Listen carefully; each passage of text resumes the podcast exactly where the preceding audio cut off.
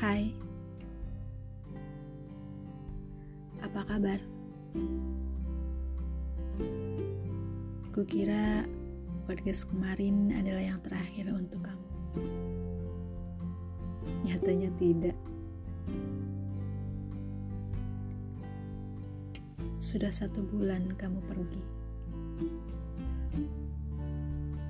Sudah satu bulan kita tidak pernah berkabar saling sapa. Mungkin kamu sudah lupa denganku orang yang dulu sempat hadir dalam cerita hidupmu. Ya, sepertinya kamu sudah benar-benar lupa.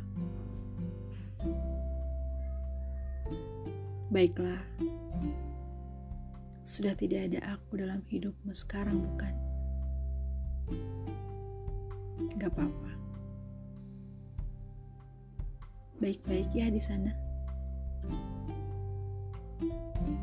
Semoga bahagia dengan siapa pun kelak pada akhirnya.